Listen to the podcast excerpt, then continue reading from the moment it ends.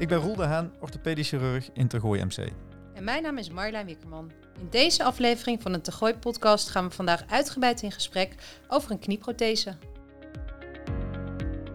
Goed dat je er bent, uh, Roel. Voordat we gaan beginnen, hoe noem je het nou eigenlijk? Is het een knieprothese, een kunstknie of een nieuwe knie? Ja, je mag het eigenlijk zowel een kunstknie als een uh, knieprothese noemen, denk ik. Een nieuwe knie, zo zou ik het niet noemen. Want dat geeft de indruk dat een knie na een operatie hetzelfde gaat kunnen en gaat zijn zoals 20 jaar geleden. En ja, dat kun je niet altijd garanderen. En wat is een knieprothese precies? Over welk stuk van de knie heb je het dan? Het gehele kniegewricht waar het om gaat. Een kniegewricht bestaat uit een deel bovenbeen en een deel aan het onderbeen. Daar zit een kapsel omheen en dan noem je het een gewricht. En dat hele gewricht wordt, uh, wordt vervangen.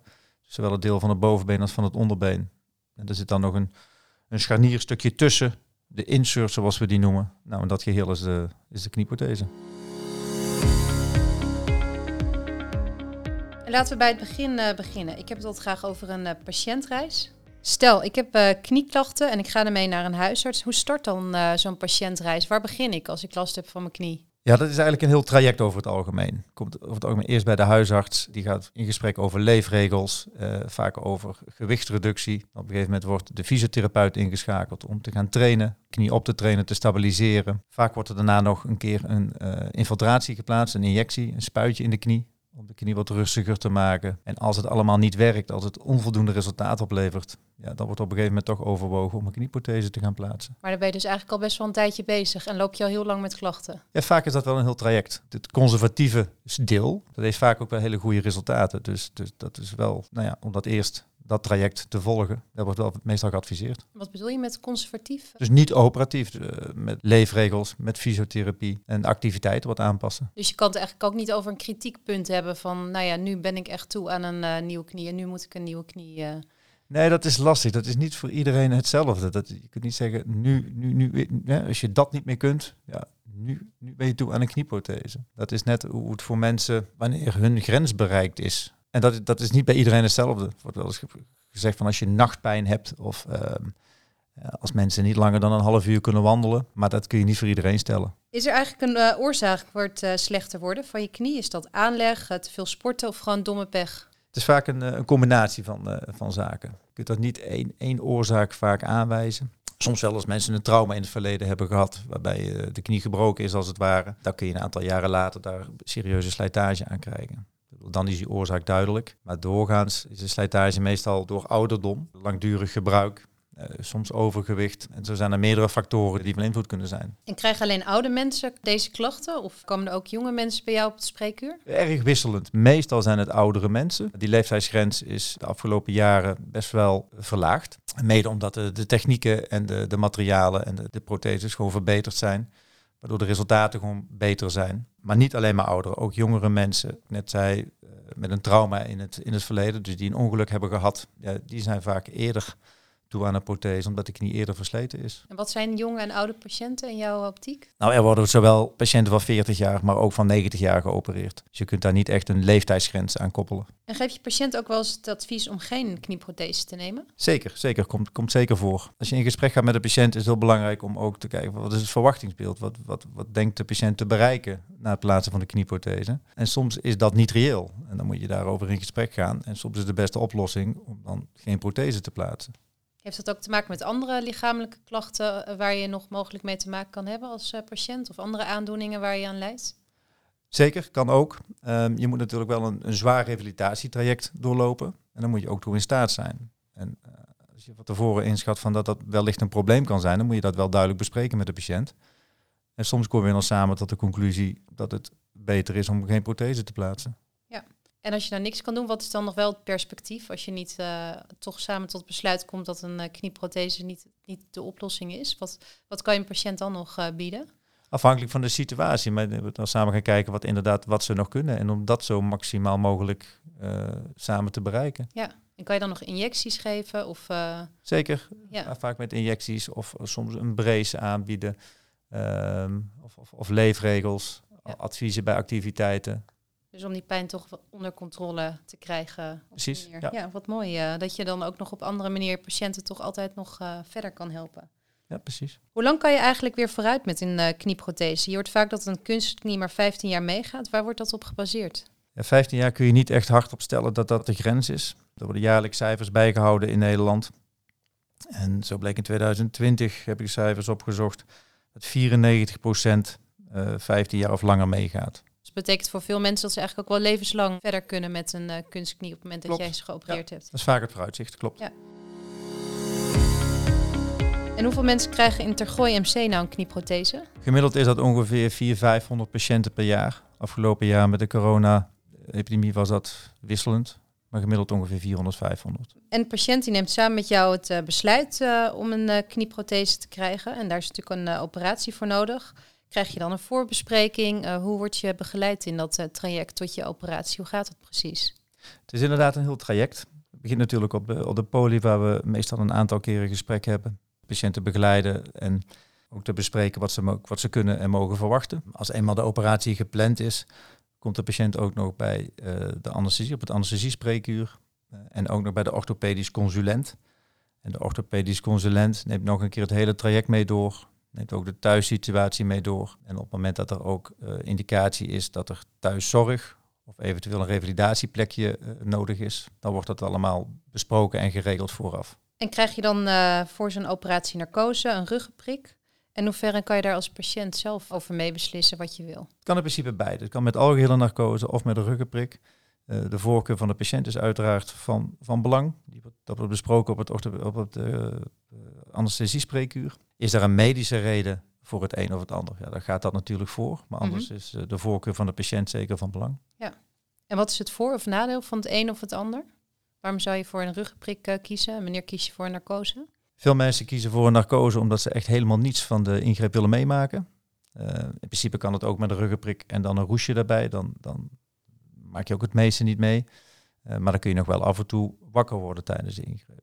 En wie zijn er nou eigenlijk bij zo'n operatie aanwezig in de operatiekamer? Nou, dat is best een serieuze groep mensen. Dat hoor je wel van veel patiënten terug dat ze aangegeven dat het een, een grote groep is. Uh, er is een anesthesist aanwezig, een anesthesiemedewerker, de operateur.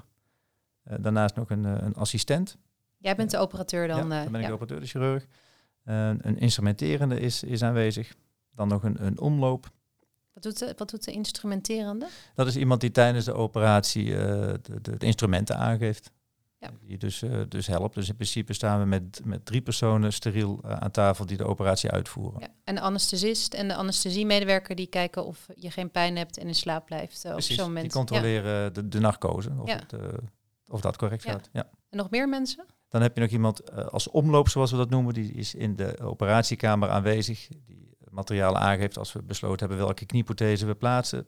Dan wordt die aangegeven en die geeft materialen aan van het onsteriele gedeelte naar het steriele gedeelte. Nou, en dan kan eindelijk de operatie uh, starten. Het lijkt me echt ontzettend complex, zo'n uh, knie uh, eruit halen en, en, en, vervangen. Kan je in stappen uitleggen hoe je dan te werk gaat als een operatie start? Nou, dat gaat, dat gaat eigenlijk best wel gestructureerd. Je maakt eerst het gewricht open, je legt de hele, het kniegewricht vrij.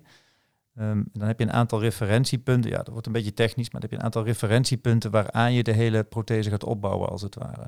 En dan ga je zo van stap naar stap, uh, ga je de, het hele bot voorbereiden uh, op de prothese. En dan hebben we een proefprothese, die we dan plaatsen. Eerst kijken of de, of de maatvoering goed is, of de maten goed zijn, of de, of de hoeken goed zijn, zeg maar. Doe je dat als de oude knie er nog in zit? Of nee. doe je dat als de... Oké, okay, dus die haal je er eerst uit, Precies, die oude knie. Ja. En hoe doe je dat, dat uithalen? Dat gebeurt eigenlijk met een soort mal. Uh, worden de zaagvlakken gemaakt. Dus er worden er zaagvlakken gemaakt waardoor de prothese daar overheen past. Uh, dus je bent echt aan het zagen, begrijp ik? Ja, klopt. Oké. Okay. Ja. Is dat vergelijkbaar met een decoupeerzaag, een kettingzaag? Hoe moet ik dat... Ja, dat is precies de juiste voorstelling. Oké, okay, okay. Het klinkt wel echt een beetje als een timmerman aan het werk. Nou, we worden ook wel eens de, de fietsenmakers van het ziekenhuis genoemd. fietsenmakers. Vertel, leg uit. Uh... Nou ja, nee, omdat we veel met gereedschap werken en uh, ja, een beetje de klusjesmannen van, uh, van de ziek. Fietsenmaker van de knie. Ja. Nee, eerst de knie eruit gaf je aan en dan de bepaalde punten waar je dan de prothese aan kan ophangen. En hoe ga je dan verder? Dan gaan we dus de proefprothese plaatsen, niet de definitieve. Dan heb je de juiste maatvoering bepaald en dan plaats je die prothese. En als dan de spanning goed is en de maat is goed, als je dat allemaal gecontroleerd hebt, dan laten we de definitieve prothese komen Dan wordt de cement klaargemaakt. Dan wordt de prothese uh, met cement uh, gefixeerd, vastgezet. En dan gaan we de wond weer sluiten. Oké, dus je hebt eigenlijk meerdere protheses ook in zo'n operatiekamer liggen om te kijken welke er past. Uh, ja, klopt. Ja, kan je dat al voor een operatie, dus iemand die alleen maar in je spreekkamer is geweest, al beslissen en besluiten wat voor prothese en hoe groot die moet zijn? Of kan nee. dat echt alleen maar in de... Op elkaar wordt dat definitief besloten, inderdaad. Ja. Je hebt wel een indicatie vooraf, maar inderdaad alle maten liggen op het OK. Dus dat is eigenlijk ook de reden waarom je altijd met een lineaaltje ook uh, rondloopt uh, ja, in, uh, in, je doktersjas. Nou, dat is voor de poli, dat is niet voor de maatprothese. Oh, Oké. Hoe lang duurt de operatie in totaal? In principe duurt de operatie natuurlijk zo lang als nodig is. gemiddeld is dat ongeveer een uur, ruim een uur. En dan doe je meerdere operaties achter elkaar ook op een dag. Dat klopt. Maar goed, het uur is, is puur van snijtijd, zoals we dat noemen. Dus op het moment dat we de incisie beginnen uh, tot de laatste hechting. Ja. Maar de patiënt is wel langer in slaap. Ja. Dus positioneren, natuurlijk naar de rand uh, verband aanleggen. Dus de patiënt is vaak wel anderhalf uur of zo onder, uh, ja. onder narcose. Ik ben benieuwd hoeveel hechting heb je nou na zo'n knieoperatie? Dat gaat vaak met, uh, met, met krammen, met stapels zoals we dat noemen, nietjes. Mm -hmm. 20 tot 30 gaan er vaak wel in. Zo, dat is best een aantal, ja. En zijn er eigenlijk risico's aan verbonden aan een operatie, een knieoperatie? Ja, er zijn eigenlijk altijd aan elke ingreep, en elke behandeling zijn, zijn risico's verbonden. die worden ook altijd uitgebreid besproken met de patiënt vooraf zowel de kleine als de grotere risico's. De belangrijkste bij een, bij een prothese is een, is een infectie. Een infectie na, na het plaatsen van een prothese is heel erg vervelend. Vaak langdurig antibiotica gebruik, langdurige opname. Komt gelukkig heel erg weinig voor. Moet ook wel alert op zijn. En complicaties die vaker voorkomen, maar minder groot zijn? Bijvoorbeeld zwelling van de knie of van het onderbeen. Dat zie je, dat zie je heel vaak. Dat, is vaak vocht?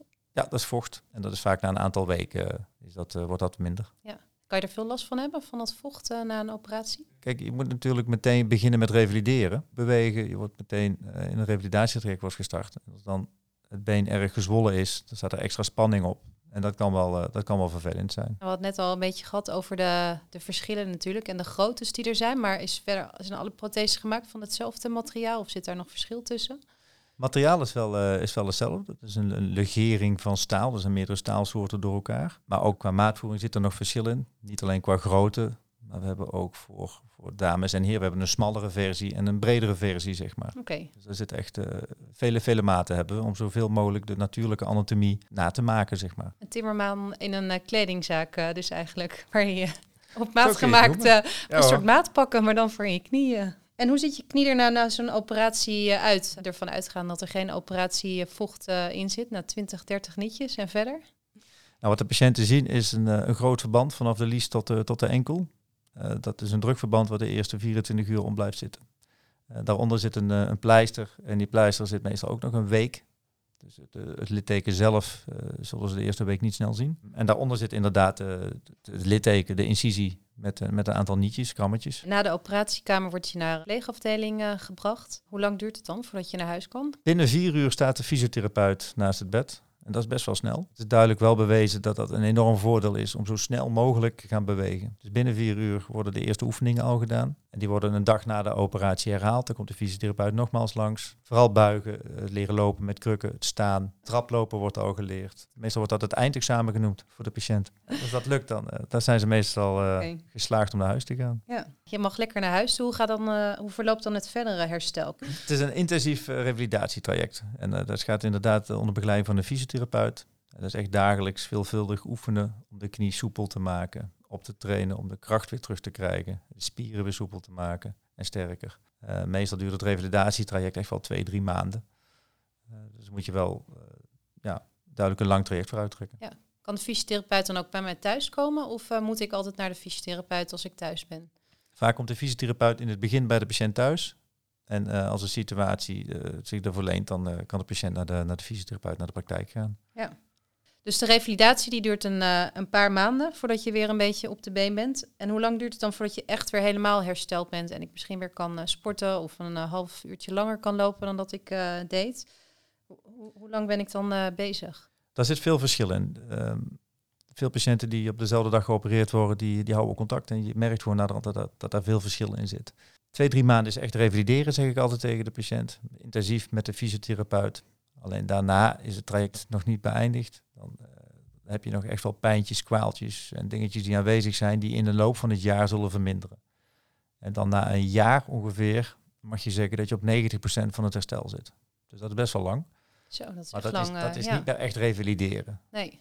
Dan functioneer je dagelijks leven prima. Dan ben je ook al actief. Mhm. En dan zit er nog steeds wel verbetering in. En na een jaar kan ik echt alweer ja, meer dan dat ik kon voordat ik mijn operatie heb gehad. Kan je dat zo stellen? Ja, dat is zeker de bedoeling. Dus dan ben je een jaar bezig eh, voordat je eigenlijk weer een beetje wat terug hebt van je normale kracht en dat je zonder pijn kan Dat bewegen. gaat geleidelijk aan. Maar na een jaar heb je dat, eh, heb je dat wel goed, heb je daar wel goed zicht op, ja. En aan het eind van zo'n eh, traject, dus na ongeveer een jaar, wat kan je dan allemaal? Het is erg wisselend. Het heeft ook te maken met wat de patiënt vooraf kon. Wat, wat de situatie voor de operatie was. Ook de leeftijd van de patiënt heeft daarmee te maken, uiteraard. Maar er zijn ook wel dingen die vooraf besproken worden, zodat het verwachtingsbeeld gewoon klopt. Maar dat is erg wisselend. Hardlopen? Nee, dat wordt geadviseerd om niet te doen met een knieprothese. Zwemmen? Zeker. Zwemmen. Zwemmen, wandelen, fietsen. Sommige mensen die slaan een balletje op de tennisbaan, dat kan prima. Golfen? Zeker. Dus eigenlijk kan je nog heel sportief dat- zijn eh, met een nieuwe knie. eh. Zeker. Ja. Met de kunstknie kun je nog eh, behoorlijk wat activiteiten doen. En hoe voelt nou zo'n kunstknie? Voel je dat nou ook? Ja, dat wordt wel vaak, zo krijg ik het wel vaak terug van patiënten. Er zijn ook veel patiënten met een heupprothese. En mensen met een heupprothese geven aan dat het veel natuurlijker aanvoelt. Ze weten vaak niet aan welke kant ze geopereerd zijn. Dat is natuurlijk heel positief. Mhm. Maar mensen met een knieprothese hoor je dat eigenlijk nooit zeggen. Dus zo- zo'n knieprothese is eigenlijk altijd wel aanwezig. Je hebt natuurlijk tien keer minder pijn dan voor de operatie, maar hij is, hij is wel vaak aanwezig bij bepaalde activiteiten. Ja. En dan moeten ze wel weten vooraf dat dat zo is. Dus je kan een knieprothese ook eigenlijk niet vergelijken met een heupprothese. Nee, dat is wel een verschil. Wat is het belangrijkste, behalve natuurlijk een ander gewricht is? Wat is het belangrijkste verschil, behalve dat je het niet voelt? Ik denk dat het ook wel belangrijk is dat de, de resultaten van een heupprothese zijn, zijn wat beter dan van een knieprothese. Oké, dat is ook echt wel goed eh, om je dan eh, Ja. te realiseren. Zeg ik je ook dat- tegen, tegen alle patiënten. Dat is wel rekening houden dat, dat, er, dat er bepaalde activiteiten, dat ze de knie wel degelijk kunnen voelen. Eh, we hadden natuurlijk net al over zo'n eh, knieprothese, dat je dat veel meer voelt dan eh, in je heup. Ben je nou ook echt zwaarder geworden na zo'n knieprothese? Weegt dat nou wat als je op de weegschaal gaat staan na een operatie? Ja, een knieprothese zelf zal ongeveer 300, 500 gram wegen, afhankelijk van de maat. En mijn gevoel zegt wel dat dat meer is dan het materiaal dat je verwijdert. Ja. Dus een paar gram zullen er wel bij krijgen. Ja. Dus de mensen die een dieet eh, volgen, die eh, hebben het eh, extra zwaar in die periode. Exact, exact. Wat zijn de reacties die je krijgt van patiënten? Ik kan me voorstellen dat ze met heel veel pijn hebben gehad, echt al lange tijd voordat ze eindelijk geopereerd worden. Soms is dat denk ik toch wel echt een enorme opluchting dan als je een nieuwe knie hebt gekregen. Heb je een, een mooi voorbeeld? Een, dat wel belangrijk is, je gaat, je gaat samen zo'n traject aan. Je hebt patiënten vaak vooraf een aantal keer gesproken. Dus ze zijn voorbereid op dat het een, zware revalidatie gaat zijn. En vaak koppelen ze dat ook wel terug, die eerste periode, dat het best wel heftig is. Maar op het, eh, op het einde van de revalidatie zijn, ze over het algemeen erg dankbaar dat dat wel gelukt is en dat ze dat gedaan hebben. En zijn ze tevreden met, eh, met het resultaat, met, met de extra activiteiten die ze kunnen uitvoeren. heb je nog een eh, patiënt die je echt ontzettend is bijgebleven en die je nooit meer bent vergeten in je carrière? niet speciaal een patiënt. Ik denk dat dat vaak in kleine dingen zit. Men, mensen die, die echt dankbaar zijn, die op het einde van een polybezoek echt aankijken en echt laten merken van hoe dankbaar ze zijn. Dat, dat vind ik wel heel belangrijk en wel eh, fijn om te zien. Weet je toevallig ook wanneer de eerste knieprothese ooit eh, geplaatst is? Hoe lang is dat geleden? Ja, dat zijn in, eh, in, de jaren, in de jaren 50, halverwege vorige eeuw, zijn de eerste protheses geplaatst. Dat waren echt scharnieren. De resultaten waren niet zo best. Een soort robotknie, eh Ja, was stel echt ik me dan voor. scharnier, maar de, eh, hele hoge infectiekans en eh, die ging ook snel kapot. Ja. Maar de prothese zoals we die nu hebben, is begin jaren 70 voor het eerst geplaatst. Ja. En nadien eh, vele malen verder ontwikkeld uiteraard. Eh, maar begin jaren 70 is een beetje van, van de moderne knie, is denk ik de eerste geplaatst. En zit er dan nog veel verschil in eh, de knieprotheses van de jaren 70 en die van nu? Wat is de ontwikkeling eh, geweest daarin? De materialen zijn sterk verbeterd. De technieken om de knie te, te plaatsen. Zo hebben we hier in Tergooi MC ook de huidige protheses mee ontwikkeld. De Persona knie. Dus daar hebben we ook aan meegewerkt. Dus dat is wel fijn dat je nu ziet, dat is een doorontwikkeling van de vorige knie, dat die nu eh, wereldwijd gebruikt wordt. En dat is, eh, dat is mooi om te zien. Persona? Zo, dat, dat, zo heet de knieprothese. Dat is van de firma Zimmer en de knie heet Persona. En wat vind je nou zelf het allermooiste om te doen rondom zo'n eh, traject van een knieprothese? Waar krijg je nou energie van? Wat geeft jouw werkplezier? Ik denk als je het hele traject samen met de patiënt doorloopt en op het einde tevreden patiënt terugziet. Die echt wel veel kwaliteit teruggekeken heeft. heeft. Nou, dat, dat vind ik heel mooi. Ja. En zeker met iemand die je dus lang onder behandeling hebt en waar je echt een band mee uh, opbouwt. En die, die zichtbaar uh, een betere kwaliteit van leven ziet krijgen, denk ik. Precies, ja. ja. En uh, orthopedisch chirurg zijn, is dat nou een mooi vak? Nee, maar ik doe het heel graag. nee. nee, het is een heel mooi vak, heel afwisselend. Ehm, geen één dag is hetzelfde. En het is mooi om mensen kwaliteit terug te kunnen geven. En ook wel reëel zijn. Je kunt niet iedereen helpen, dat is absoluut waar. Ja. Um, maar dan ga je samen het gesprek aan om, om het verwachtingsbeeld goed, te, goed, goed te schetsen. Op het einde, einde heb je toch wel vaak heel tevreden patiënten en dat is mooi. Kan je me nou vertellen waarom het voor al onze luisteraars op dit moment, waarom je voor een knieprothese naar jou of uh, naar een van jouw collega's in Tergooi MC uh, moet komen? Wat is het voordeel? Het voordeel van het Tergooi MC is dat we een heel compleet pakket aanbieden van zorg. Dat je 24, dagen, 24 uur per dag zorg geleverd wordt. Bij de orthopedie hebben we ook uh, de opleiding, zoals we noemen. Dus wij leiden uh, assistenten op tot orthopedisch chirurg. Daar zijn behoorlijk wat kwaliteitseisen aan het, uh, het niveau daarvoor erg hoog is. De, de, de kwaliteit van zorg. Ik heb ook het idee dat artsen die in opleiding zijn tot orthopedisch, dat die ook meer tijd hebben aan patiënten. Om ja, en dat wordt het ook weer besproken met de supervisor. Dus je hebt dan eigenlijk dat je met meerdere artsen ja. uh, word je beoordeeld. En er wordt ook veel wetenschappelijk onderzoek gedaan, dus om, uh, om ook weer de zorg te verbeteren. Dus uh, dat er zeker meerwaarde is. En wat heb ik daar nou aan dat ik 24-7 hier terecht kan? Op het moment dat ik naar huis word gestuurd en klaar ben hier voor ontslag, dan kan ik ook, mocht er wat zijn, gewoon s'nachts weer uh, bij de spoedeisende hulp. Uh, Precies, als er een probleem is, dan, ja. dan staat er iemand voor je klaar. En dat is niet zo vanzelfsprekend volgens mij, want uh, de zelfstandige behandelcentra die hebben dat natuurlijk niet een spoedeisende hulp die altijd open is. Nee, klopt. Daar, daar zijn de zaken anders geregeld. Ja, ja dus eigenlijk heeft het gewoon voor patiënten een ontzettend vertrouwd en goed gevoel om hier voor een knieoperatie te komen. Ja, klopt. Ja. En mochten er andere zaken tijdens de opname zijn waar patiënten zorg voor nodig hebben op, op, intern gebied of cardiologisch gebied, dan, uh, dan kan die zorg ook meteen geleverd ja. worden. Nee, dat is natuurlijk heel fijn dat wij onze cardiologen hier in huis hebben en ook uh, nefrologen op het moment dat de patiënten ook andere aandoeningen hebben. Ja, ja dat precies. kan ik me ook goed voorstellen. En heb je nou nog een ontzettend gouden tip voor mensen die een knieprothese willen? Of daarvoor in aanmerking komen? Ik denk dat ze wel goed moeten realiseren wat het hele traject inhoudt. Dat gesprek gaan we samen aan. En dat het verwachtingsbeeld correct is. Dat heel belangrijk is. Ze moeten zich realiseren dat het een, uh, dat het een stevig revalidatietraject is. Het is niet echt een tip, maar ze moeten het wel realiseren. Ik heb ook wel eens gehoord dat de patiënten beginnen met fysiotherapie voordat ze geopereerd worden. Is dat nog iets waar ze wat aan hebben? Ja, er wordt tegenwoordig heel veel gedaan. Better ja. in, better out, zoals we dat noemen. Ja. Dus als je, als je gewoon beter getraind bent voor de operatie. Nou, wat een gouden tip. Ontzettend bedankt, uh, Roel, voor je tijd. Bedankt voor het luisteren naar deze aflevering van de Tergooi podcast. Luister ook naar de andere interviews van de artsen van Tergooi MC. Laat een review achter op Spotify, Apple Podcast of een ander luisterplatform. Meer weten over de Tergooi podcast? Ga dan naar tergooi.nl slash podcast. Tot de volgende keer.